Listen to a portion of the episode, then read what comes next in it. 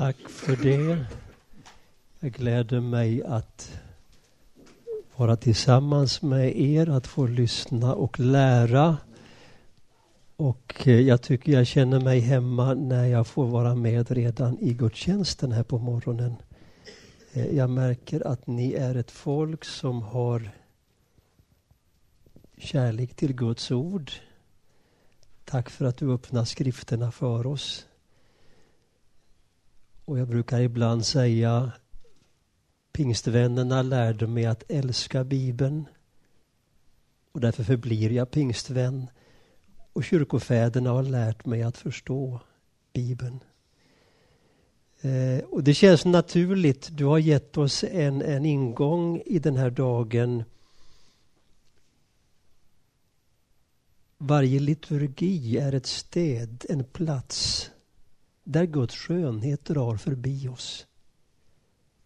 Och där vi får spisa av den föda som gör våra liv till en eukaristi i den här världen. Som gör oss och världen vad den är tänkt att vara.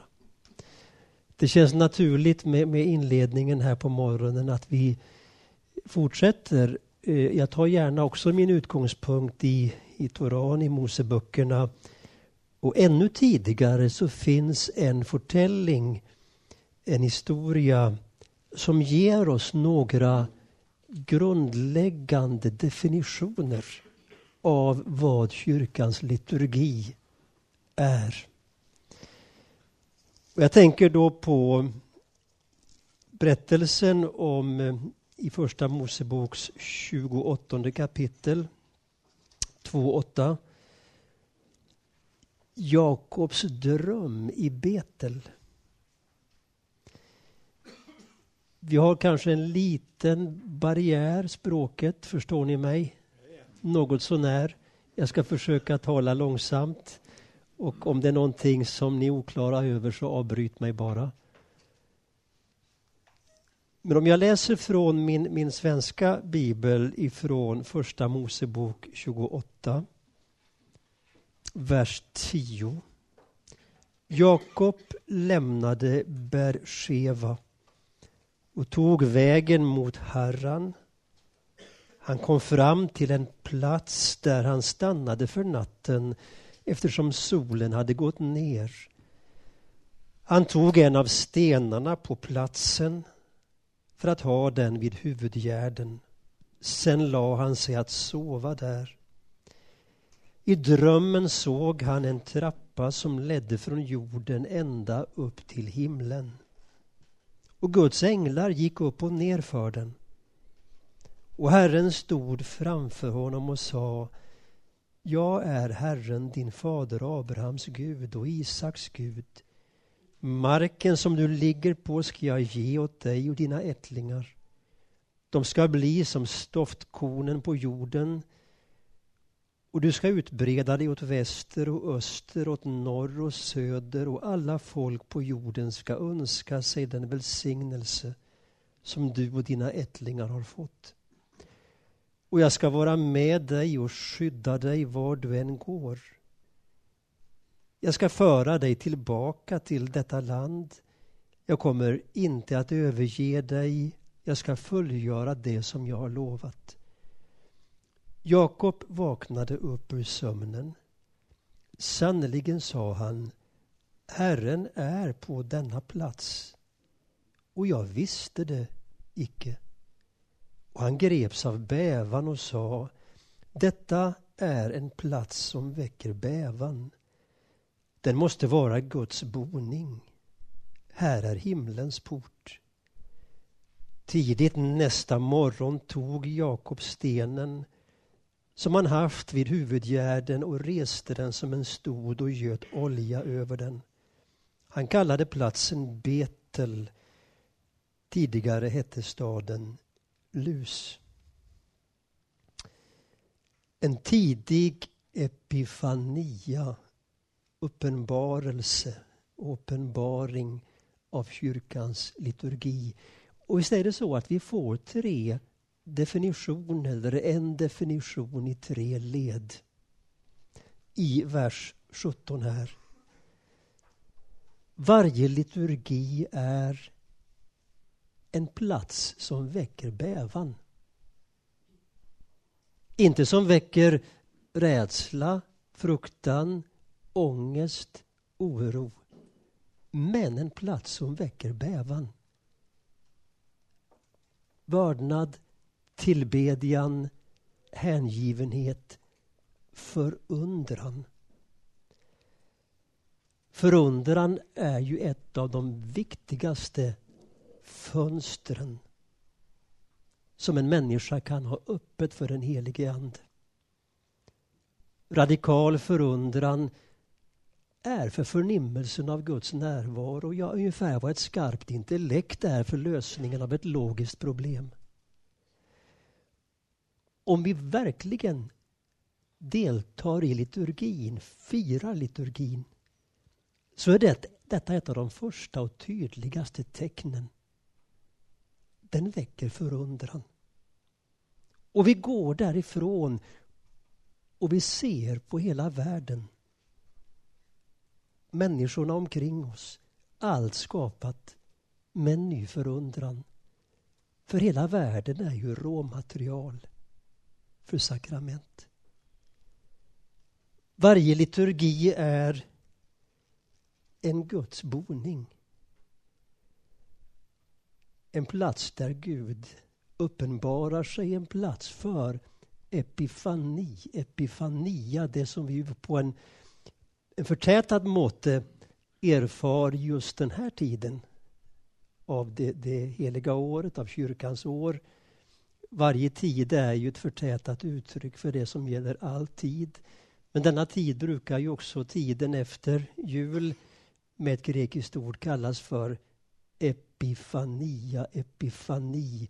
När den offentliga uppenbaringen av Guds härlighet flätas samman i kyrkans liturgi i denna trefaldiga händelse som utspelar sig i liturgins presens inför våra ögon. De österländska stjärntydarnas besök hos barnet, Herrens dop och Jesu första under vid bröllopet i Kana. Varje liturgi är en plats inte där vi ska försöka få Gud på plats. Men en plats där Gud uppenbarar sig. Men frestelsen kan ju ibland vara, också när vi tänker på gudstjänsten och talar med Guds, om gudstjänsten och arbetar med den och förbereder oss för den, att vi nästan tänker på gudstjänsten och vill forma den som ett städ där vi får Gud på plats. Om det är någonting som profeterna med eftertryck, med emfas framhåller så är det ju det omöjliga i att få Gud på plats.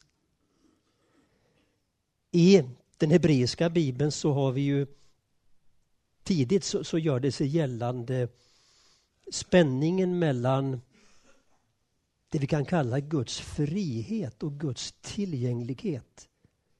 Det vill säga, Gud gör sig tillgänglig genom att uppenbara sig. Men är hela tiden fri att dra sig, träcka sig tillbaka och dölja sig, skjula sig.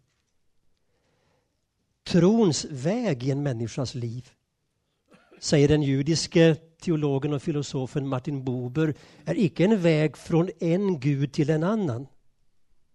Det är en väg från en gud som döljer sig till en gud som uppenbarar sig. Så om vi i någon mån känner Gud så är det för att Gud har gjort sig känd för oss. Men det möte som väcker tron till liv avskaffar ju icke all osäkerhet och gör icke nödvändigtvis världen till en mer förutsägbar plats att leva i.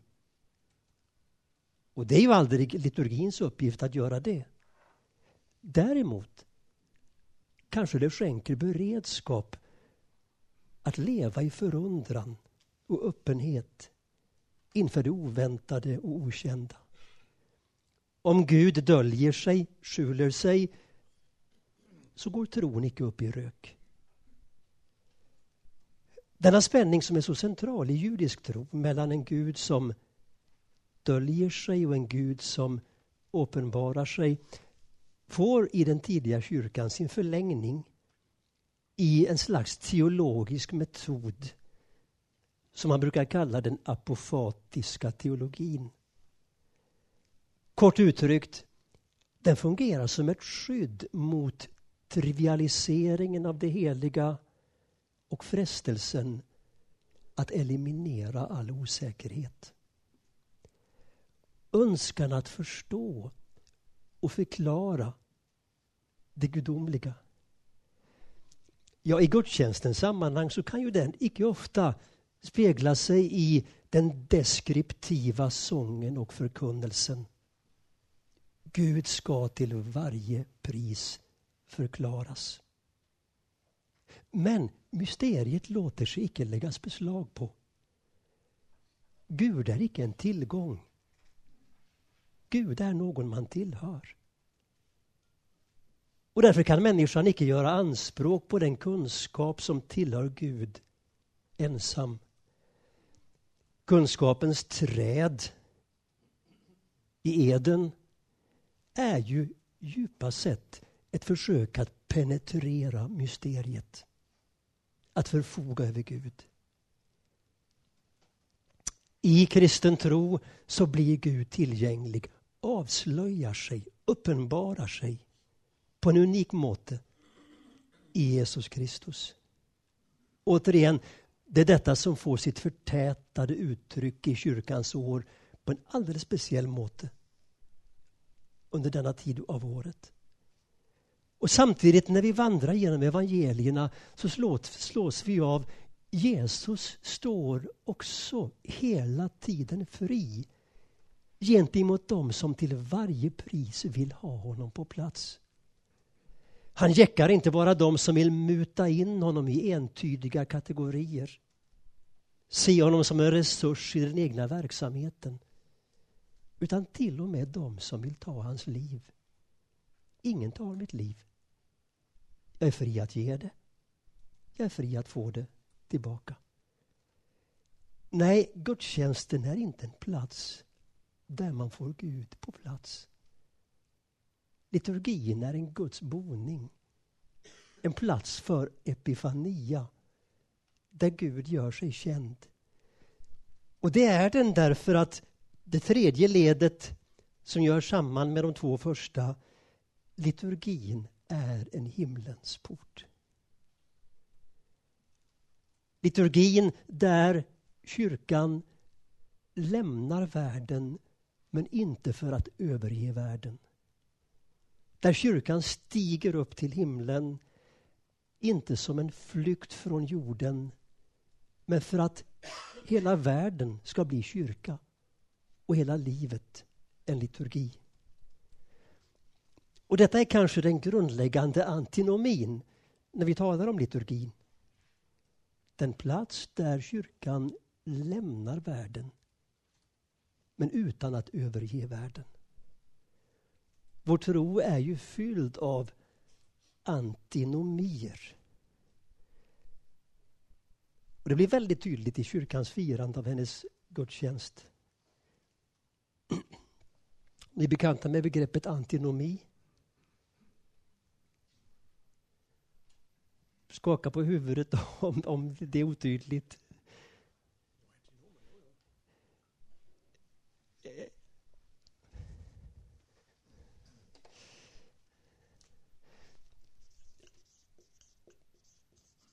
Antinomi, antinomi är ju ett filosofiskt begrepp som inbegriper två utsagor, två påståenden som är omöjliga att förena på ett logiskt plan, på ett rationellt plan.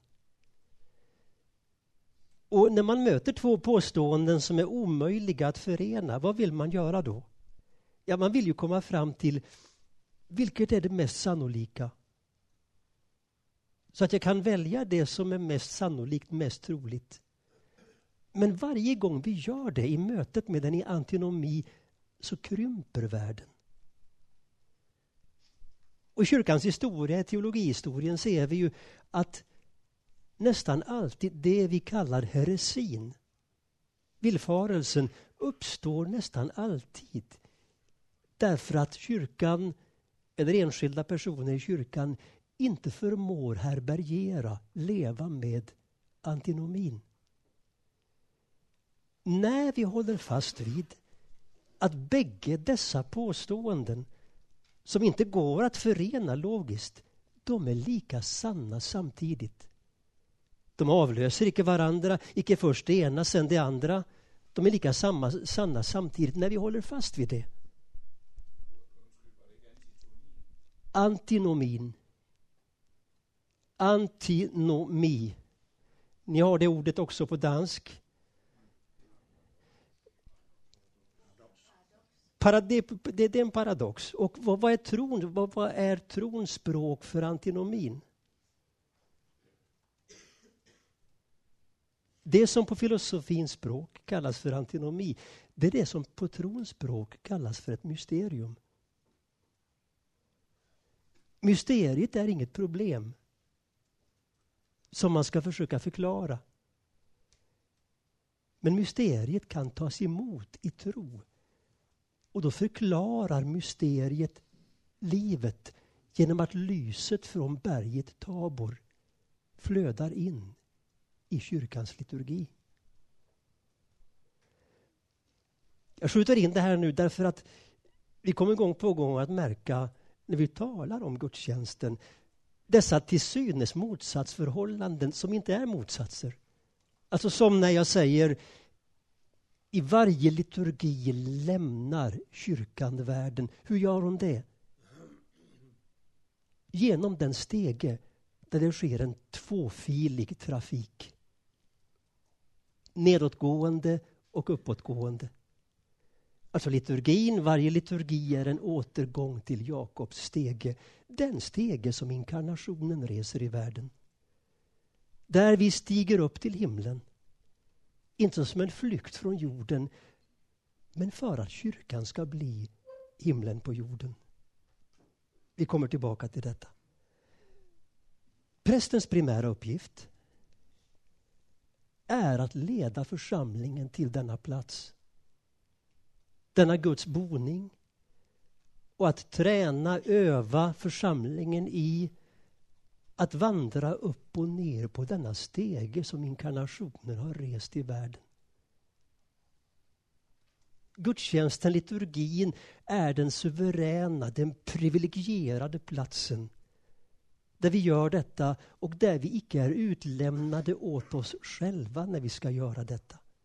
Vi gör detta tillsammans. Men om man icke vet detta. Jag visste det icke, säger Jakob. Om man icke vet att liturgin är denna plats, reser denna stege. Ja, då är risken att man fortsätter att gå till kyrkan som om den var en av flera Jesusklubbar. Som man firar gudstjänsten som om den var en religiös ceremoni och inte en gudomlig liturgi. Om man återvänder från gudstjänsten till världen men ser inte annorlunda på världen än man såg på den när man gick till gudstjänsten. Med förundran och bävan. Hur gör prästen detta? Om nu detta är prästens primära, grundläggande uppgift. Ja, naturligtvis så behöver prästen undervisa sin församling om detta. Men framför allt så gör ju prästen detta genom sitt liv och i detta sammanhang genom den hållning med vilken prästen leder församlingen i gudstjänsten. För vad är det som gör, vad är det som gör liturgin? Själva rummet där liturgin firas till en helig plats. Det är ju inte cementen och materialet och bräderna och det som rummet är format av. I den meningen finns ju inga heliga platser.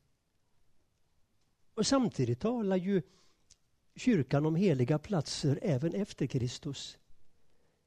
Vi var med honom på det heliga berget. Så vad är det som gör liturgin, kyrkan, redan själva rummet till en helig plats? Det är den hållning med vilken vi träder in i rummet, in i gudstjänsten.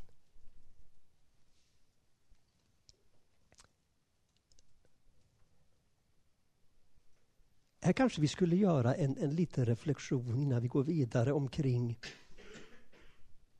platsens roll. Städet, platsen. Uttrycket kommer ju tillbaka igen och igen här där vi läste Herren är på denna plats.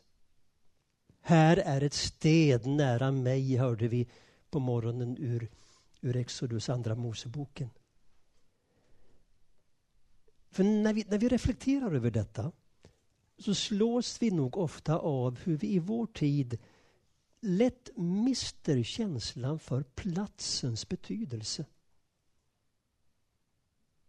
Och när vi talar om detta nu så, så, kan vi ha liturgin, kyrkans gudstjänst i baktanken, i bakhuvudet. Jag menar en plats i vår tid, det är något som vi ofta passerar i regel i hög hastighet. Och i cyberrymden, där vi är som mest hemma, där står ingen plats att finna. Ingen. Det är inte bara människor på flykt och människor i exil, de är oändligt många som vet något om smärtan och tragedin i att förlora en plats.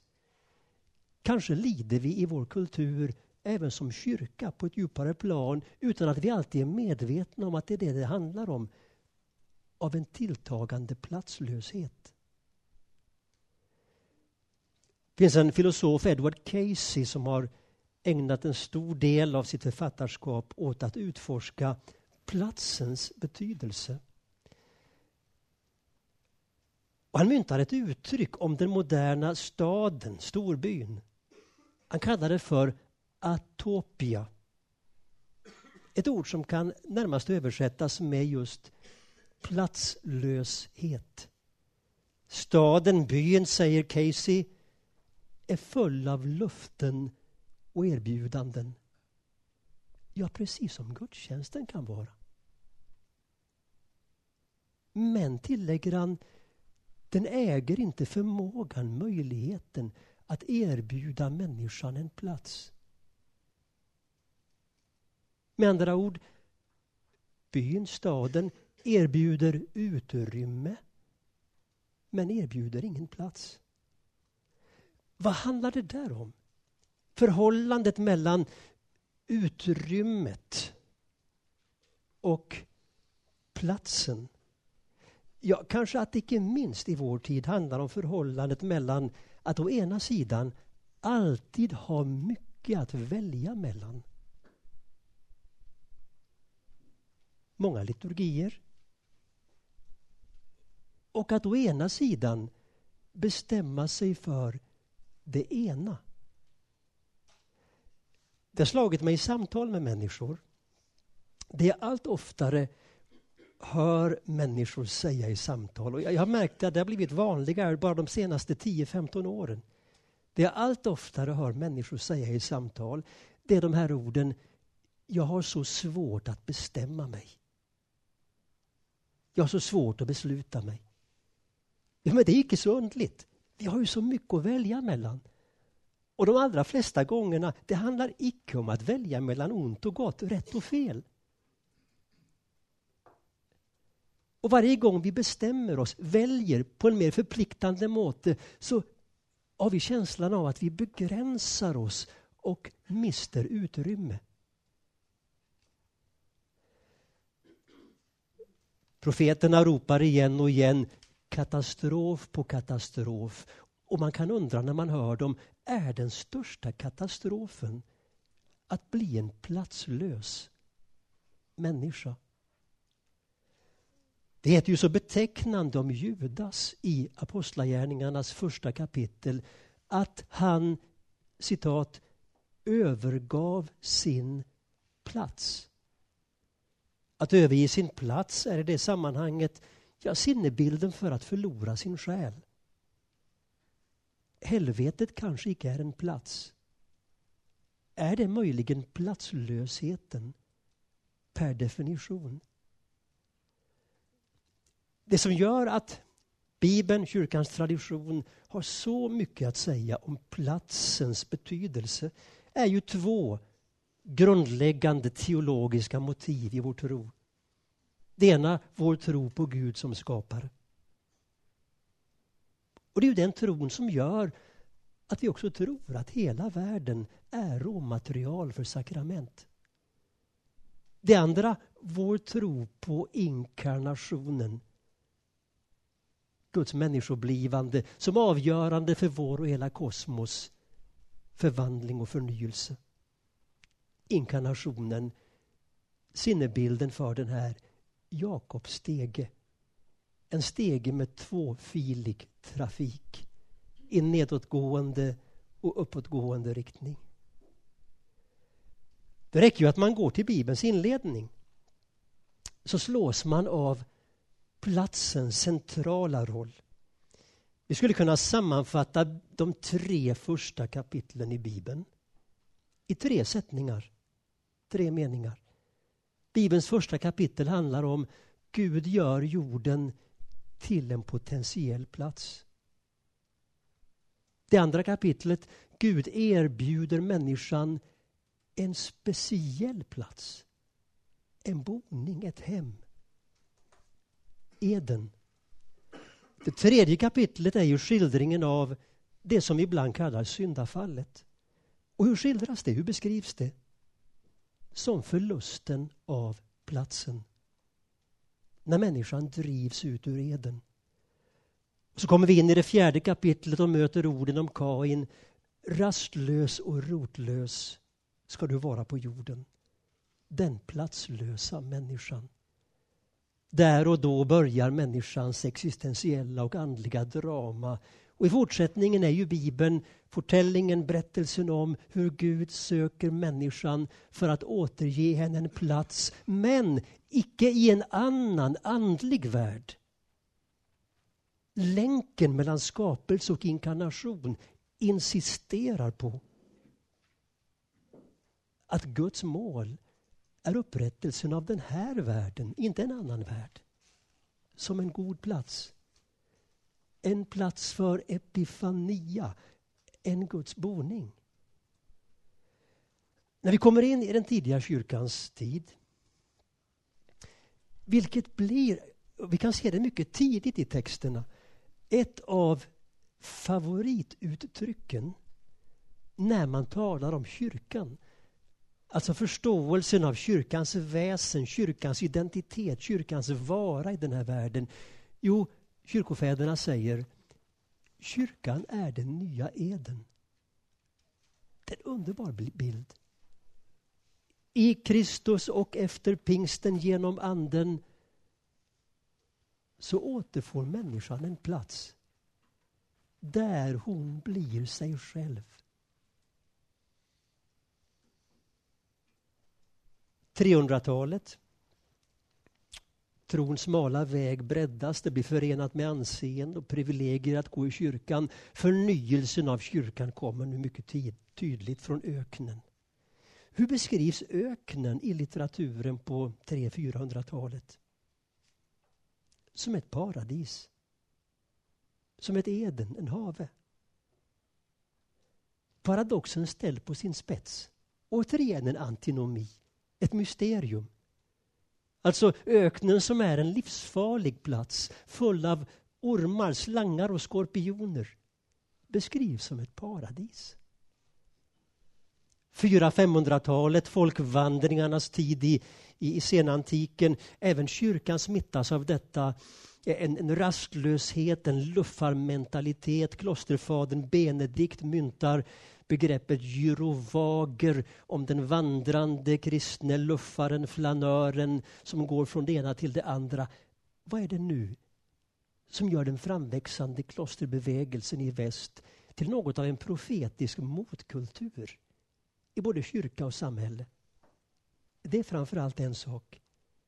Betoningen av trohet mot platsen.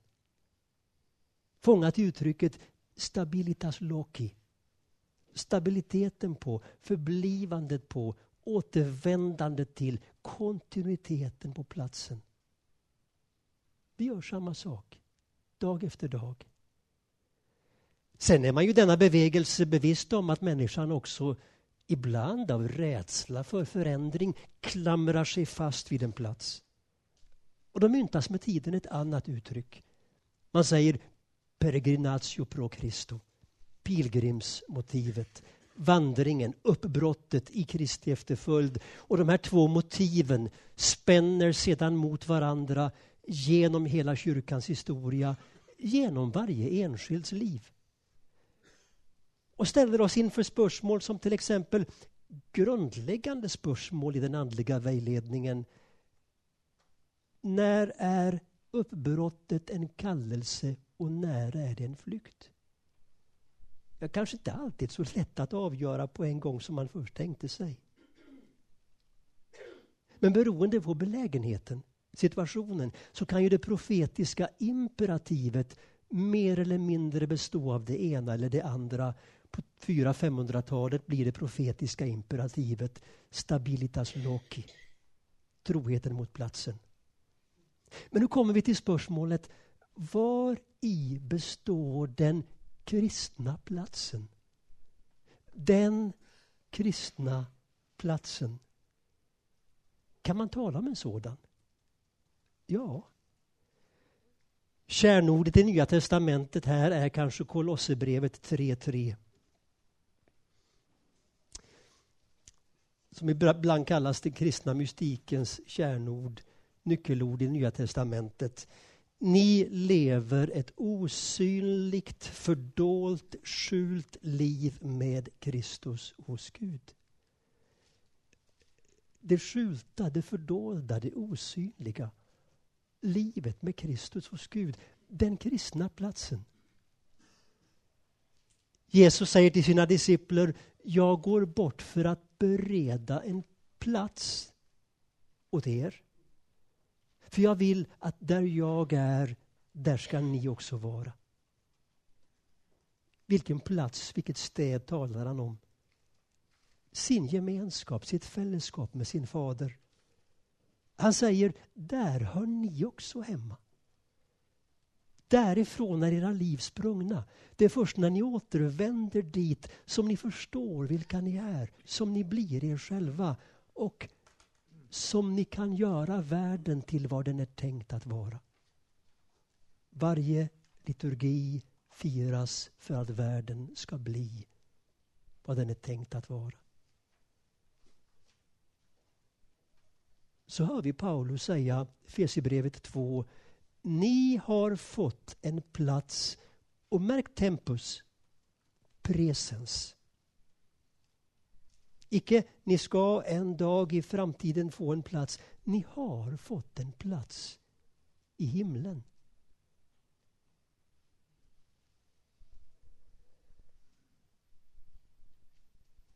Men denna hemlighetsfulla, osynliga, fördolda, skylta plats med Kristus hos Gud, den kan ju i vår tro, i kyrkans liv, aldrig skiljas från platsen i yttre mening. En tro, en spiritualitet, en andlighet som leder bort från platsen, skapelsen, jorden, naturen. Ja, den leder bort från biblisk mark. Den är till slut inte kristen. Så vilken är platsen framför andra? Kan man tala om en sådan? Platsen framför andra där det andliga och det kroppsliga, det osynliga och det synliga, det gudomliga och det mänskliga, det mystiska och det vardagliga, det oskapade och det skapade möts, förenas. Finns det en sån plats framför andra? Ja, det gör det. Och vi vet ju alla vilken plats det är. Det är platsen omkring ett bord som står på jorden men dukas i himlen. Där en måltid firas som man icke kan delta i förrän man har stigit upp längs stegen som inkarnationen har rest i världen. En måltid som inte firas här på jorden, i den här världen. Men för att kunna delta i den måste man ha lagt sin död bakom sig. För denna måltid hör nästa tidsålder till. Den hör till en annan nivå. Den går i en mening, om man ska vara krass, inte att fira i den här världen. Jesus är ju tydlig med det. Ni ska få äta och dricka med mig i mitt rike.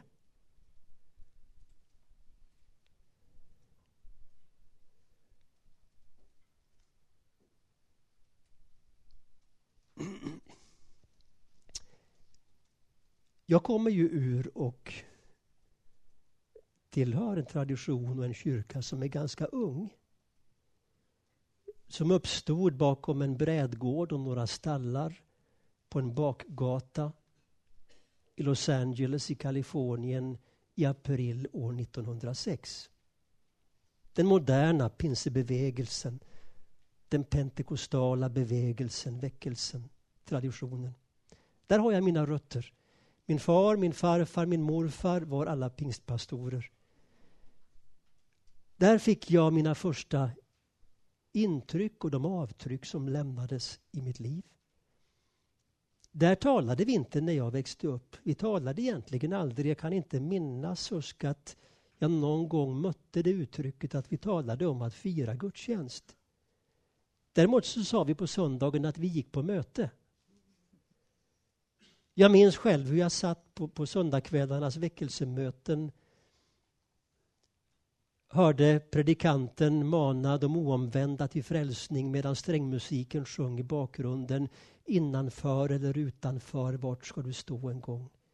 Jag såg dem som fått ett styng i hjärtat resa sig upp, vandra gången fram, böja knä vid första bänken, bikta sig och ta emot syndernas förlåtelse. Det gjorde outplånliga intryck på mig som barn. 16-17 år gammal så kände jag, började jag känna hur hjärtat började bulta på allvar i mitt eget liv. Och nästan med samma övertygelse som mina förfäder anade, anade jag mig vara kallad.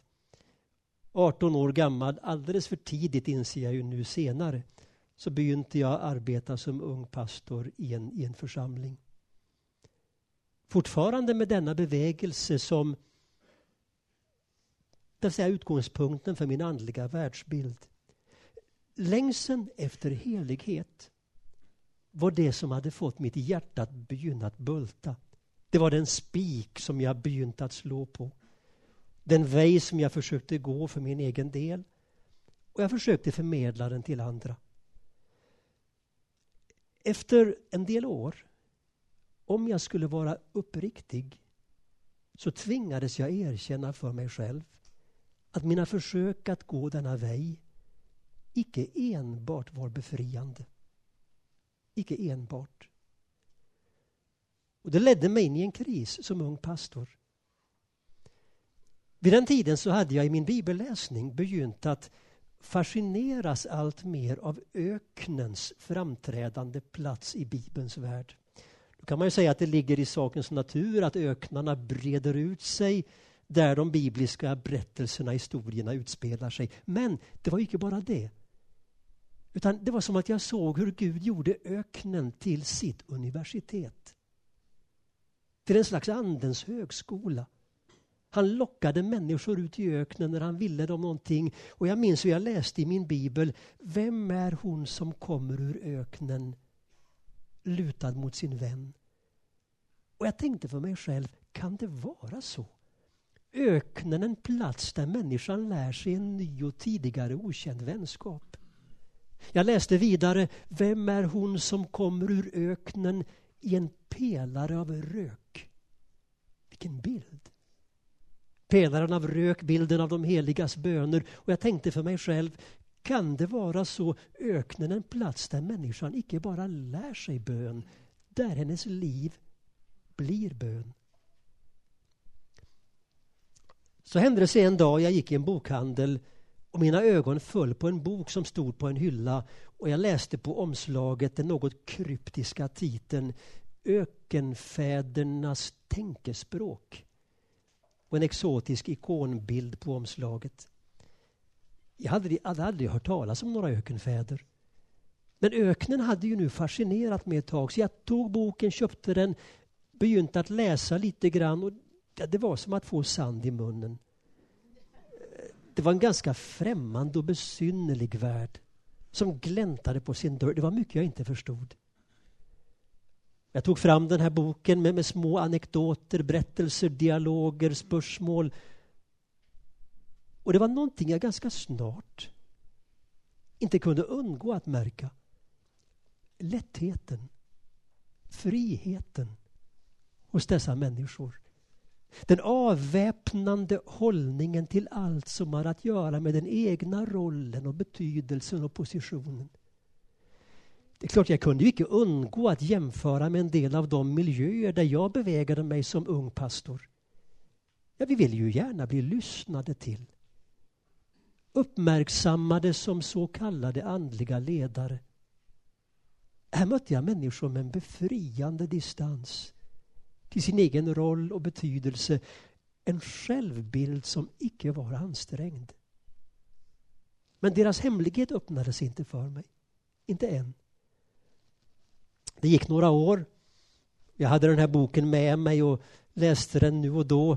Och så sökte jag mig till en plats där jag visste att en person skulle tala och hålla ett föredrag som både andligen och bokstavligen hade varit långt in i denna öken.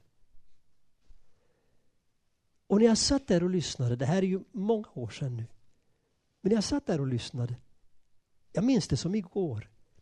För man är kanske inte med om så många sådana tillfällen i livet. Kanske bara en, två, tre, fyra. Och då minns man det som igår. Även om det gått många år. För när jag satt där och lyssnade, plötsligt var det som ett lys föll över mitt liv. Det kanske inte var någon annan alls i samlingen som upplevde det. Men jag gjorde det för det hade att göra med min väg, min kris, min längsel, mitt kall. Vad gör man då? Vad gör man i en sån situation när man upplever något sådant? Ja, när den mannen talat färdigt så tog jag mod till mig, gick fram till honom och sa Får jag komma och sitta vid dina fötter? Han kände ju inte mig och jag kände inte honom egentligen. Vi hade aldrig mötts tidigare. Han såg lite misstänksamt på mig och så sa han att ja men eh, vi kanske kan samtala någon gång. Jag tog honom på orden. Några veckor senare tog jag tåget, och reste till honom, satt i hans kök en halv dag. Vi spisade orientalisk mat och samtalade. Ytterligare några bitar klarnade. Innan jag tog tåget hem den dagen sa jag Får jag följa med dig nästa gång du reser till öknen? Han såg lite misstänksamt på mig igen. Jag kanske hör av mig någon gång, sa han. Och jag reste hem. Det gick ganska lång tid och jag tänkte inte så mycket egentligen på det där. En dag ringer han. Vill du fortfarande följa med till öknen? Han berättade att han skulle resa och jag kunde få följa med om jag ville. Jag tog fram min kalender, min almanacka, jag drog ett streck över de veckor det handlade om och så reste jag med honom. Och Det var mitt första möte, inte bara med öknen rent fysiskt, men det blomstrande andliga liv som jag mötte, inte minst i klostren långt ut i öknen. Och det var för mig en djup upplevelse av en andlig hemkomst. Så återvände jag dit och vid ett senare besök, något eller ett par år senare, så var jag med om den erfaring som jag idag räknar som en av mina mest dyrbara erfaringar. När det var som att gudstjänstens, liturgins hemlighet öppnade sig för mig på ett sätt, på en måte som jag icke hade varit med om tidigare. Detta var under en vistelse en tid i ett kloster i södra Egypten. Ordningen var den att man begynner varje morgon så där vid fyra tiden med det som man kallar för i den koptiska traditionen Tashbaha, nattens lovsång doxologin, lovsången, lovprisningen, saltarsalmerna som så småningom övergår i firandet av liturgin, den gudomliga liturgin, den eukaristiska gudstjänsten. Under natten så bakas bröden i en särskild liturgi som i sig är en vandring genom hela frälsningshistorien. En, en, en liturgi som i det sammanhang där jag firar gudstjänst i, idag i den ekumeniska kommuniteten i Bjärka-Säby har tagit över sedan många år tillbaka där vi begynner med brödbakningsgudstjänsten klockan fem ungefär på morgonen och så firas mässan sedan klockan åtta. Men då är det här klostret tillbaka där när bröden kom inbärandes i den stora kyrkan så gick man iväg med den, prästmunkarna, till olika kapell. För där hade man den ordningen att liturgin, eukaristin, firades samtidigt i alla kapell som fanns i klostret. Och när jag då morgon efter morgon smög efter en av prästmunkarna, Abuna Bolos och deltog ena gången i den större kyrkan, andra gång, en annan gång i Paulusgrottan under klostret, en annan gång i ett Mariakapell uppe i torn. När jag deltog i dessa liturgier i gryningen, vad var det som hände? Prästmunken, Abona Bolos, tog med oss in i paradiset. Han gjorde verkligen det. Och jag hade inte varit med om detta tidigare. Och jag talar inte symboliskt i bilder eller poetiskt eller allegoriskt. Han tog oss verkligen med in i paradiset.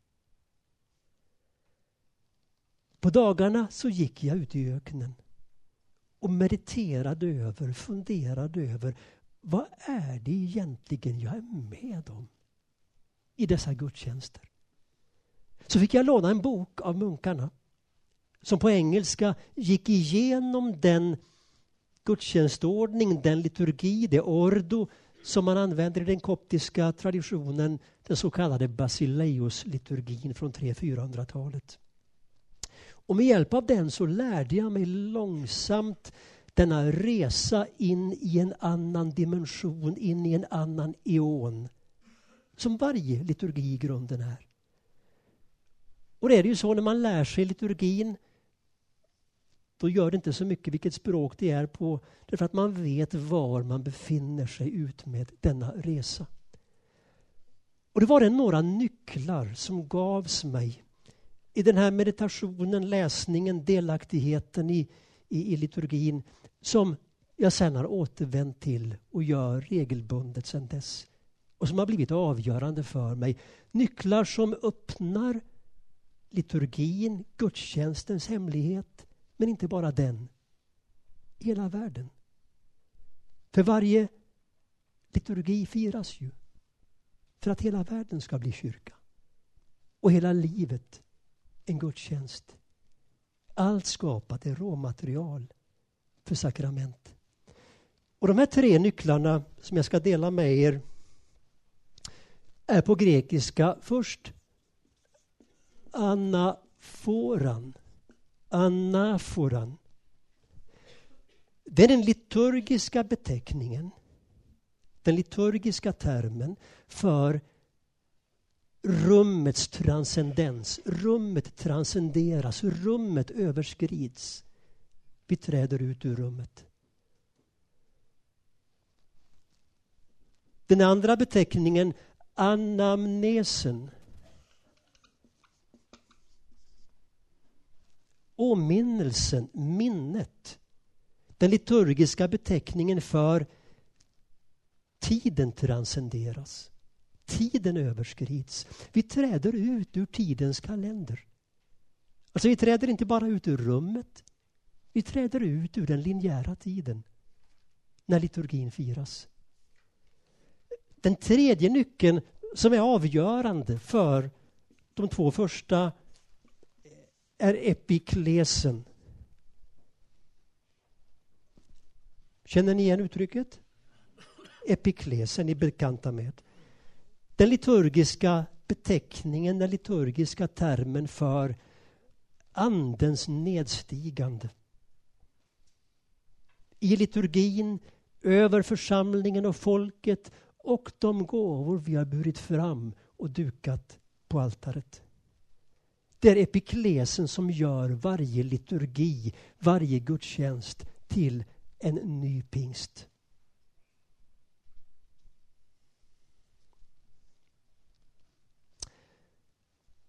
Och jag ska kommentera de här tre nycklarna lite grann.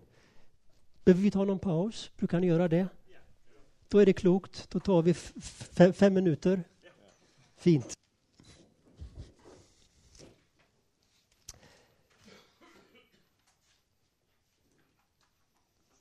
När jag kom tillbaka från öknen, från Paulusklostret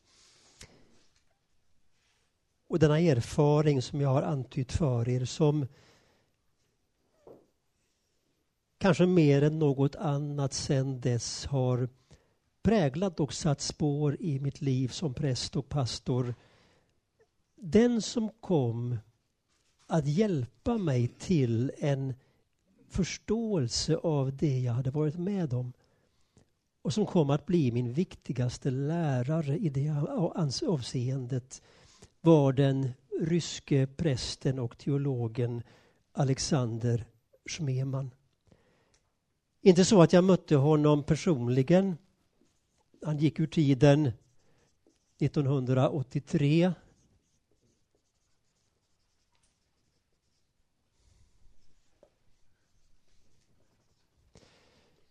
Alexander Schmeman som tillhörde en familj som lämnade Ryssland som många andra gjorde i samband med revolutionen, kom till Frankrike och Paris och blev del av en väldigt viktig teologisk och andlig miljö med en rad ledande ryska exilteologer i Paris och det center som där växte fram, Sankt Serge. Han flyttade 1951 med sin familj till New York och blev dekan för fortfarande ett av de mer ansedda ortodoxa seminarierna, akademierna i världen, St. Vladimirs i New York, där präster inte minst utbildas. Och där var han dekan och rektor fram till sin död 1983. Mot slutet av sitt liv så säger Alexander Smeman, och han skriver detta i sina dagböcker,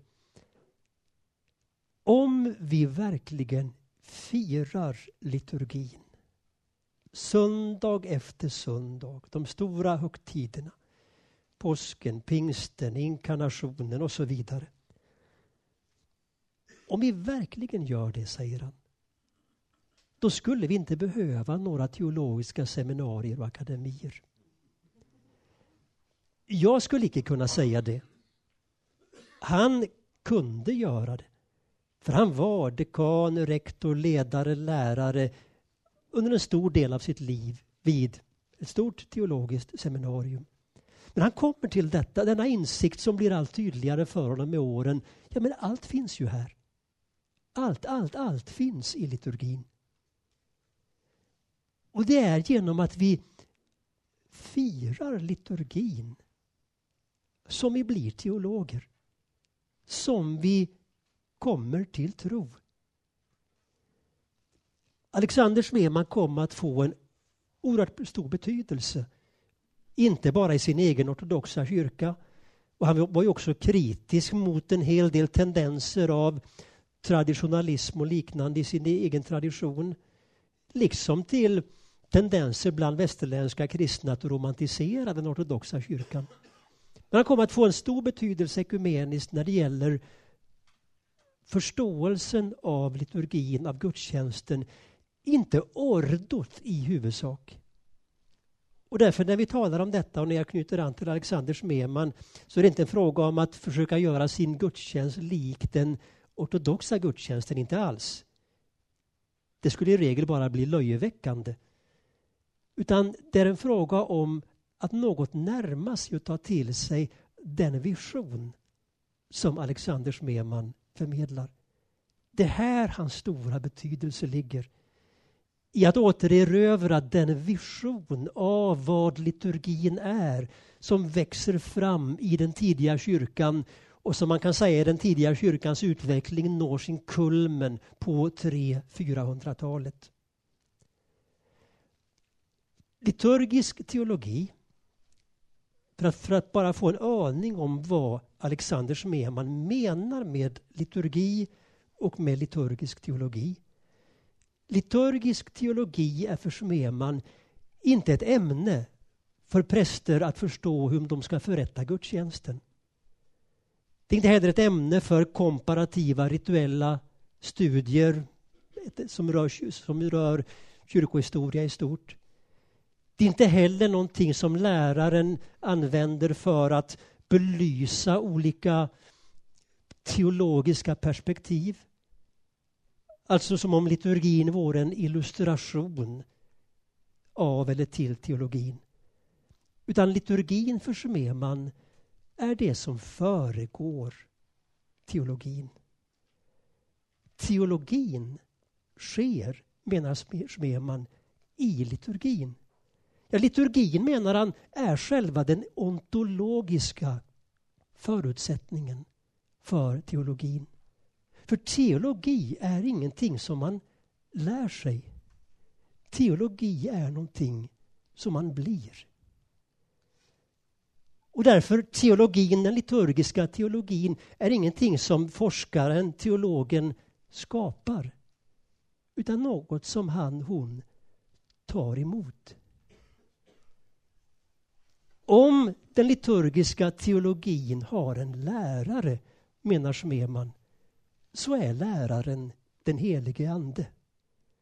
Och lärarens redskap är inte ett tangentbord framför en dataskärm utan den är lärares redskap. Är församlingen, ikonerna, rökelsen, processionen, offeriten, sakramentsföremålen, sången, symbolerna, arkitekturen och så vidare. Allt detta genom vilket människan blir delaktig i den gudomliga liturgin. Det vill säga den gudstjänst som firas i himlen. För det finns inte två liturgier. En liturgi som firas i himlen och en liturgi som firas på jorden. Det finns bara en enda liturgi. Vi är tillbaka vid Jakobs stege med tvåfilig trafik i nedåtgående och uppåtgående riktning. Schmeman talar om två frestelser. Han kallar det för det som gudstjänsten, liturgin, alltid mer eller mindre och inte minst som han ser det i vår tid, är utsatta för. Den ena kallar han för rationalitetens frestelse. Den andra för sentimentalitetens frestelse. Rationalitetens frestelse, ja, det är när liturgin, gudstjänsten, blir en fråga om idéer, åsikter, spörsmål och svar. Sentimentalitetens frestelse när det blir en fråga om stämningar, atmosfär, upplevelser, välmående kort sagt. I det första fallet, rationalitetens frestelse, så blir det ju lätt så att det som hamnar i förgrunden när vi ska arbeta med gudstjänsten, det kan vara sådana saker som att vara pedagogisk och kommunikativ och relevant och så vidare och tron ska förklaras. Och det vi säger då, det är ju inte att något av detta är oväsentligt i sig. Men i det här sammanhanget, och nu talar vi om liturgin, de döptas liturgi, de döptas gudstjänst, kyrkans gudstjänst, primärt på söndagen. I det här sammanhanget är det av helt underordnad betydelse. När vi faller för rationalitetens frestelse, ja, där vi utvärderar gudstjänsten genom när vi går därifrån. Fick jag svar på mina frågor nu? Hjälpte det mig det här att tro bättre och så vidare. Rationalit sentimentalitetens frestelse, att vi utvärderar gudstjänsten med spörsmål som blev jag mer inspirerad idag? Blev jag mer entusiastisk? Kändes det bra i gudstjänsten idag? Självfallet, liturgin drar in människan med hela hennes varelse. Ande, själ och kropp i frälsningsdramat. Men liturgins uppgift, liturgins uppgift är ju, menar Smeman, varken att förklara tron eller att skänka välbefinnande. Man kan inte fira en idé, en åsikt, en lära. Man kan heller inte fira en känsla, en stämning, en upplevelse. Allt firande är förbundet med förutsätter två ting. En händelse. Vi firar en händelse. Om det så är en födelsedag, vårens ankomst, en idrottslig triumf. Och det andra som förutsätts är ett fällskap, en grupp, ett kollektiv. Vi firar knappast någonting som individer ensamma i vår kammare, som solitärer. Vi kommer samman som fällskap, som grupp och så reagerar vi tillsammans på denna händelse. Det kyrkan gör på den dag som är utanför tiden är att hon firar den händelse som en gång för alla har förändrat förutsättningarna för allt levande. Kristi påsk, Kristi uppståndelse. Den händelse som får en ny dimension att bryta in. Där i den dimensionen liturgin firas. Uppståndelsens dimension. På andra sidan död och uppståndelse. Ja, på andra sidan Kristi död och uppståndelse historiskt, men också på andra sidan vår egen död och uppståndelse. Anaforan.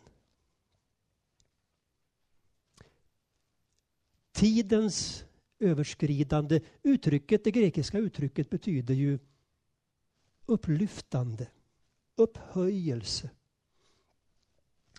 Och det får sitt tydligaste uttryck i liturgin. För var och en av de här begreppen och det de motsvarar, de här nycklarna, har ett transparent, tydligt ögonblick i liturgin. Och de ögonblicken, det är nödvändigt att de också får ett tydligt uttryck, en tydlig plats i liturgin. Men de svarar mot någonting som gäller hela liturgin. Att anaforan är inte bara ett ögonblick, hela liturgin är en anafora. Och därför kan vi märka i den ortodoxa traditionen så kallar man ofta hela nattvardsgudstjänsten för en anafora. Och nattvardsbönerna kallas för anaforabönen Hela liturgin är en anafora för att hela livet ska bli en anafora. Det tydliga ögonblicket är när bordet har dukats. Gåvorna har burits fram. Det som i västlig tradition kallas för offertoriet med ett latinskt begrepp eller i östlig tradition proskomedin. När bordet har dukats och måltiden ska firas, vad är det första prästen säger? Ja, det är dessa ord. Och här är det samma uttryck i både västlig och östlig tradition. Upplyft era hjärtan. På latin sursum corda. På grekiska anafora. Upplyft era hjärtan. Känner vi igen det? Ja, vi kan ju känna igen detta var vi än kommer i världen där liturgin, mässan, firas något så när i allmänkyrklig tradition så kan vi höra än idag de orden uttalas när bordet har dukats på världens alla språk. Och Det är intressant då att påminna sig om detta är något av det mest ursprungliga som vi har bevarat. Alltså vi är i kontakt med en mycket, mycket tidig tradition. Vi har ju många nattvardsböner bevarade från 300-400-talet men vi kan komma ännu tidigare. Och vi ser i texterna redan på 200-talet. Och det sträcker sig tydligt, helt säkert ännu tidigare. Redan på 200-talet ser vi att det är utbrett i församlingarna i den unga kyrkan att när måltiden, den eukaristiska måltiden ska firas, det första prästen säger är upplyft era hjärtan. Varifrån kommer det? Varför säger man detta? Uppenbarelseboken 4.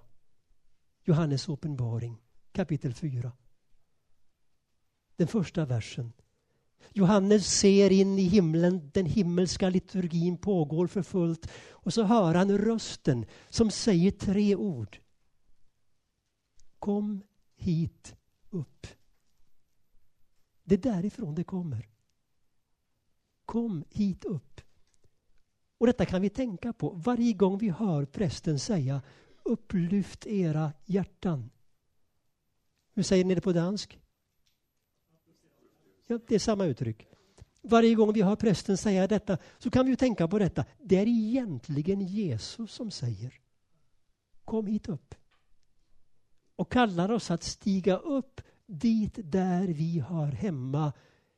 Inte som en flykt från jorden men för att kyrkan ska bli himlen på jorden.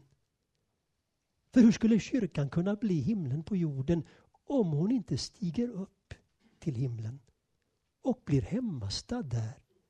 Förnyad och förvandlad av den liturgi som pågår där. Det finns inte två liturgier. En på jorden och en i himlen. Det finns bara en liturgi. Detta rymmer ju en stor hemlighet. Vi tänker, hur kan man stiga upp till himlen när man är på jorden? Är hemligheten djupast sett den, efter Kristi påsk och Andens pingst, att vi bär himlen inom oss? Kristus i er, säger Paulus. Menar han detta verkligen? Är det bara poetiskt, allegoriskt, symboliskt eller svarar orden mot en verklighet? Ja, det är ju inte helt oviktigt om man tror att orden i skriften svarar mot en verklighet. Kristus i er. Ja, men Kristus är väl på Faderns högra sida i himlen efter himmelsfärden. Är hemligheten djupast sett den att det är i våra hjärtan som Kristus sitter på Faderns högra sida? Bär vi den heliga treenigheten inom oss? Ja, det är inte undligt om tanken grips av svindel när vi närmar oss detta. Men det finns en händelse. En fysisk, kroppslig, materiell händelse som är en manifestation av denna verklighet. En måltid som kyrkan firar söndag efter söndag för att de andra dagarna, mellan söndagarna, de vi kallar vardagar, leva sitt liv i ljuset av denna verklighet. Det fördolda livet med Kristus hos Gud. Så att hela livet blir en anafora. Där vi lever i världen och rör vid världen och ser på världen så att världen blir kyrka sakrament, gudstjänst. När Alexander Smeman ligger på sin dödsbädd så ger han sitt andliga testamente till sin familj och sina vänner. Detta testamente består av två, det består bara av tre ord. Två nej och ett ja.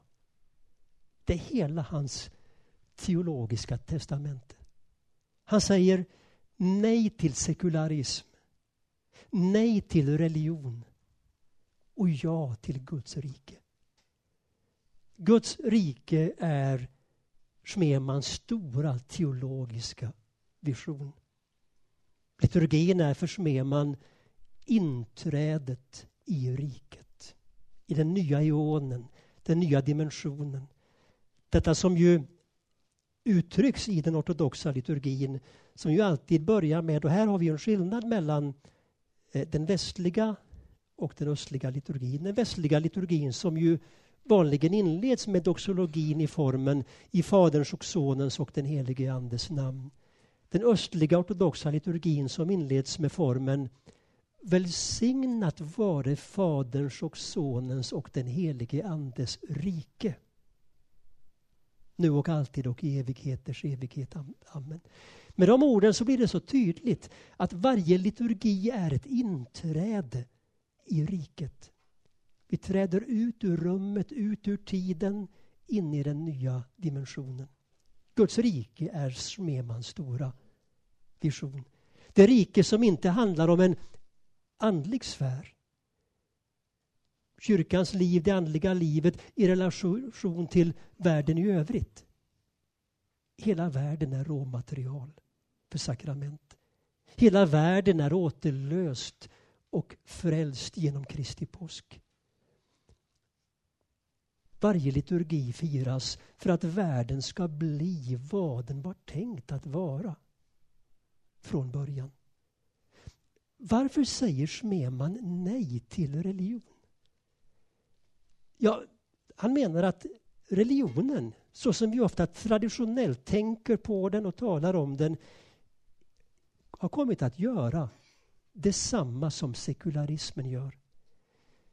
Sekularismen har ju ingenting emot att de troende tror och talar om Gud.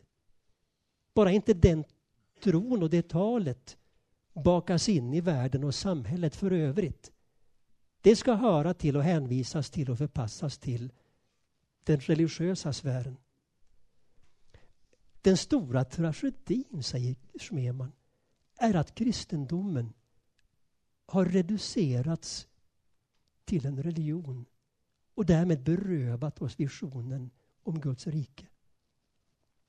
Religionen traditionellt förutsätter ju en skiljemur, bygger på en skiljemur mellan Gud och världen. Religioner har präster vars uppgift är knutna till kulten och kultens uppgift i religionen är att överskrida denna skiljemur. Och vi har ju exemplet med, med kulten i Israel där översteprästen en gång om året går innanför skiljemuren, går igenom den så att säga, in i det allra heligaste för att företräda hela folket. Religionen i denna mening gör en skillnad mellan heligt och profant, andligt och världsligt, präster och lekmän och så vidare. I den meningen är kristendomen slutet på all religion.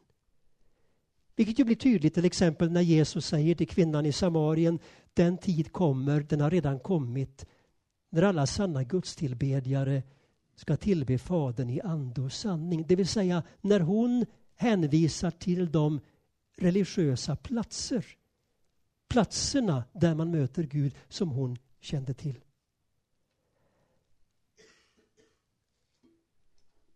Religionen, problemet med religionen menar Schmeman, är att den får oss att tänka på Gud i religiösa termer.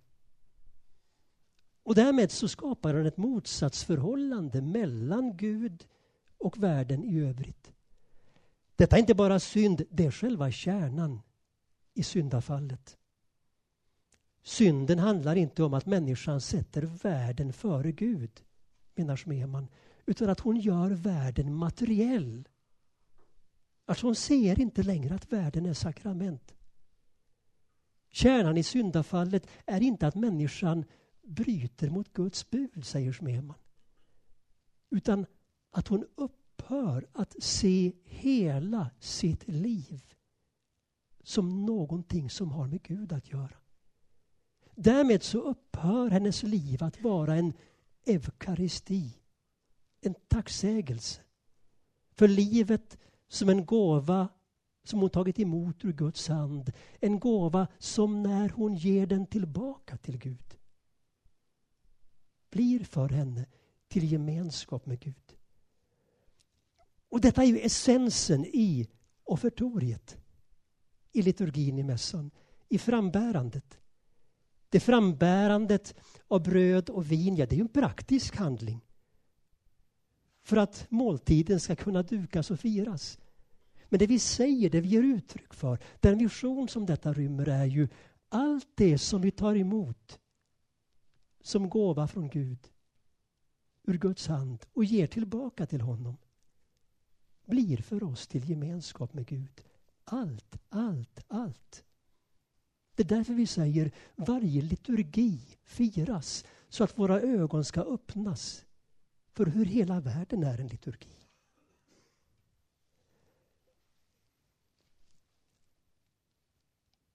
Anamnesen Den har ju också sitt tydliga uttryck i liturgin och finns det ingen anamnes då kan man knappast tala om en, en nattvard i kristen mening. Anamnesen får ju sitt uttryck i det vi kallar instiftelseorden. Anamnes, minne, åminnelse. Gör detta till min åminnelse.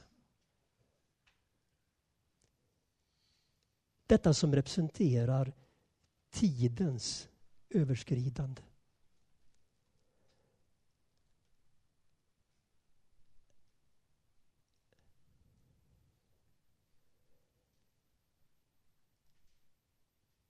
Vilket är liturgins viktigaste ord? Ja, kanske ändå att det allra viktigaste ordet är ordet idag. Idag. Alltså vi säger ju aldrig i, i, i liturgin, i gudstjänsten när vi firar jul, för 2000 år sedan föddes Jesus i Betlehem. Det är ju korrekt, det är sant rent historiskt. Vi kan berätta historien så. Men i liturgin säger vi aldrig så. I liturgin säger vi i natt har Jesus fötts i Betlehem. Och med förundran närmar vi oss barnet och deltar i tillbedjan. Vi säger ju inte på palmsöndagen för 2000 år sedan red Jesus in i Jerusalem. Det är ju helt korrekt, vi kan berätta det så. Men på palmsöndagen formerar vi oss i procession och säger idag rider Jesus in i Jerusalem. Och vi vill vara med och delta. Vi säger inte på påsknatten eller påskdagen för 2000 år sedan uppstod Jesus. I natt har Kristus nedtrampat döden med sin död. Åt dem som är i gravarna har han gett ett evigt liv. Någonting sker som gör oss samtida med Kristi uppståndelse. Ja, vi är på andra sidan död och uppståndelse. Det förflutna och framtiden. Kristi första ankomst och Kristi andra ankomst konvergerar i nuet. Och en ny tid bryter in. Eukaristisk tid. Gudstjänstens språk är varken historiens, sagans eller utopins. Det hände en gång, eller det ska ske i framtiden. Dess språk, dess tempus är alltid presens. Nu, idag. Vi träder ut ur tidens kalender. Ut ur den linjära tiden. De tidiga kristna, vi ser det i litteraturen, själva språket, vad man säger om saker och ting är ju inte oviktigt. Det speglar vår förståelse av det vi är med om. Och särskilt som kristna så tror vi att språket har en stor betydelse. Det är skapande. Säger vi till exempel i kyrkan så som ju en del moderna kyrkor byggs och formas, säger vi scenen om den plats där predikanten och sångare och de som uppträder finns, ja då säger vi ju i nästa led publiken om de som sitter nedanför scenen. Och i nästa led så börjar de som tillhör publiken applådera de som är på scenen. Och det har hänt någonting utan att vi egentligen ha tänkt på det som gör det vi kallar gudstjänst mer till en spegel av den omgivande populärkulturen än av en gudstjänst i verklig mening. Så att det inte är oviktigt att vi, vad vi säger om saker och ting. Jag sa ju att i min uppväxt så sa vi inte att vi firade gudstjänst, vi sa att vi går på möte. Och det är klart också den kristna kyrkan behöver ju möten av olika slag. Precis som frimärksklubben eller biodlarföreningen där jag är med eller vad vi deltar i. Vi behöver ha möten av olika slag så jag lägger ingen värdering i det. Men det kyrkan gör på söndagen, den dag som är utanför tiden, det är väsensskilt från att gå på möte. Vi firar någonting. Firar. Som en gång för alla har förändrat förutsättningarna för allt levande. Varje söndag är en liten påskdag. Och det är firandet av detta som gör att vi kommer till tro. Jag blir teologer i verklig mening. Jag säger ibland till, till mina vänner när vi förbereder oss i sakristian för att fira söndagens mässa. Nu ska vi be att vi får fira mässan idag så att vi kommer till tro. Så att vi blir frälsta. Ja, men är vi inte troende? Jo, men tron är färskvara. Tron är ingenting man äger och förfogar över. Tron är någonting levande. Tron är som en mannat i öknen. Det ges färskt varje dag. Varje liturgi firas för att vi ska komma till tro. För att vi ska bli det vi tror. Bli. Ja, I den tidiga kyrkan sa man Christianos alter Christus. Den kristne är en annan Kristus. Det var ju denna vision av tidens överskridande. Alltså minnet. Det jag ska knyta an till när, när, när vi talade om språket här. Det var det som man sa när man gick till, till kyrkan, till gudstjänsten, till liturgin på söndagen. Vi möter i de tidiga texterna. Man, det var ett vanligt uttryck. Man sa att nu ska vi fira mysterierna. Och det säger vi kanske inte vi när vi går till kyrkan på söndag morgon. Vi ska gå och fira mysterierna. Det man menade med det, det var inget underligt, konstigt, mystiskt, hemlighetsfullt. Det man menade var, vi firar minnet av det Jesus har gjort. Men det gjorde man inte bara genom att man kom ihåg detta. Man firade det inte bara som någonting som hade skett, som man mindes i den meningen. Man firade det som ett pågående skeende. Man drogs in i själva dramat, in i händelsen. Man firade inte bara minnet, man firade skeendet. Och det är minnet av Kristus, anamnesen, som gör oss delaktiga i hans mysterier. I det fördolda, skylta livet med Kristus hos Gud. Genom åminnelsen flyttar historien in i tiden. Det som var igår blir ett idag. Men också i den andra riktningen, om tiden överskrids, om vi träder ut ur den linjära tiden, det som är imorgon, det smakar vi och föregriper också i nuet. Detta är en stor hemlighet. Hur vi i varje liturgi firar minnet av Kristus, hans påsk, men också minnet av hans återkomst. I liturgin firar vi minnet av framtiden. När vi säger det så hör vi ju, men man kan egentligen inte säga så att man firar minnet av framtiden. Minnet hör till det förflutna, det som har skett. Men i liturgin firar vi också minnet av framtiden. För liturgin firas på andra sidan Kristi återkomst. Denna vision var urstark i den tidiga kyrkan. Och den speglas inte minst i de eukaristiska bönerna. Anamnesen har också sin plats i form av en anamnesbön som följer i de stora liturgierna i både väst och öst omedelbart efter instiftelseorden. Ni känner igen detta. Anamnesbönen i den stora bysantinska liturgin, Chrysostomos-liturgin. Hur låter den? Den har den här lydelsen. Enligt hans frälsande befallning firar vi åminnelsen av allt som skett för vår skull. Korset, graven, uppståndelsen på den tredje dagen, himmelsfärden, platsen på din högra sida och hans återkomst i härlighet. Alltså, i alla de första leden, då är vi ju med.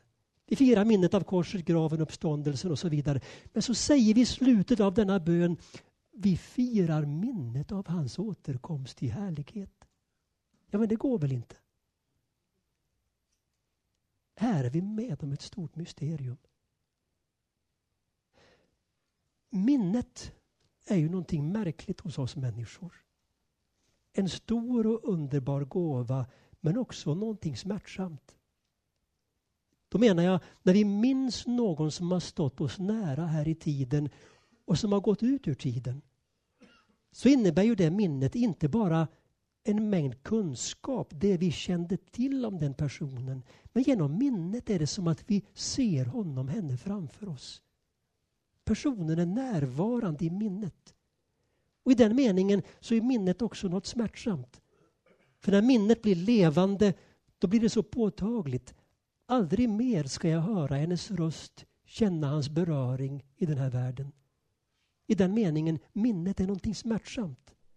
När minnet bleknar, då avtar smärtan. Det är denna förmåga att minnas som är så central i vår kristna tro. Egentligen så bygger hela vår tro på minnet av en händelse, en människa, en natt. Vi hör orden uttalas. Gör detta till min åminnelse. Då sker undret. Han är här. Inte som ett stycke kunskap. Inte som en nostalgisk minnesbild. Icke som ett sorgligt aldrig mer. Han är här så närvarande och levande så vi säger till varandra när vi går därifrån, brann inte våra hjärtan i oss? Alltså, det naturliga minnet är närvaron av den frånvarande. Det naturliga minnet, närvaron av den frånvarande. Den som är frånvarande är närvarande i minnet, men vi kan inte kalla henne tillbaka. I Kristus äger minnet en kraft som överskrider tidens och dödens brustenhet. Det är denna kraft, den helige Andes gränsöverskridande kraft som är hjärtat i kyrkans firande av sin gudstjänst. Det är denna kraft som hör samman med epiklesen. När Kristus dör och uppstår så är det inte bara mänskligheten och världen som blir frälst. Tiden blir frälst. Tidens sönderfall i sekvenser där det förflutna skiljs från det kommande är också en följd av syndafallet. Detta rymmer ju en stor hemlighet också på ett personligt plan. Alltså det vi firar, vad är det som blir levande för oss? Jo, det jag var med om för tre dagar sedan och tre år sedan. Där är Kristus nu. Trons tempus, liturgins tempus, presens. Kärnordet Hebreerbrevet 13.8. Jesus Kristus är. Tempus presens är. I det som för mig är igår, i det som för mig är imorgon. Det jag var med om för tre år sedan, där är Jesus nu. Han är nu i den händelsen. Därför kan han hela ett sår i mitt liv som revs upp för tre år sedan. Han är där precis nu. Men också i den andra riktningen. Det jag ska möta om tre dagar och tre veckor och tre år. Där är Jesus nu. Om anden levande gör detta, epiklesen, vad händer då? Ja, då märker vi mycket av vår oro lägger sig. För nästan all vår oro har ju på någon måte samman med morgondagen. Vad ska hända? Vad ska ske? Men om anden levande gör det jag ska möta om tre dagar, tre år. Där är Jesus nu. Han är nu, nu. I min dödsstund. Mitt dödsögonblick som är skjult för mig är i hans nu. Om anden gör det levande då kan till och med den djupaste av alla rädslor i en människas liv, vi vet det, rädslan för döden, lägga sig till ro. Detta är en stor hemlighet som inte ligger på ett psykologiskt plan. När vi firar denna verklighet, firar hans påsk, firar liturgin söndag efter söndag, stiger upp till himlen på den dag som är den första dagen och som är den åttonde dagen i veckan, en dag utanför tiden. Så är det inte för en stunds uppbyggelse i en liten gemenskap. Varje liturgi firas för att världen ska bli vad den är tänkt att vara. Tecknet på att vi verkligen har firat gudstjänst är ju att det har hänt någonting med våra ögon. De fjäll som synden lagt för vår blick har fallit och vi ser på världen och på människorna. På allt skapat med nya ögon när vi går därifrån. Hela världen är råmaterial för sakrament.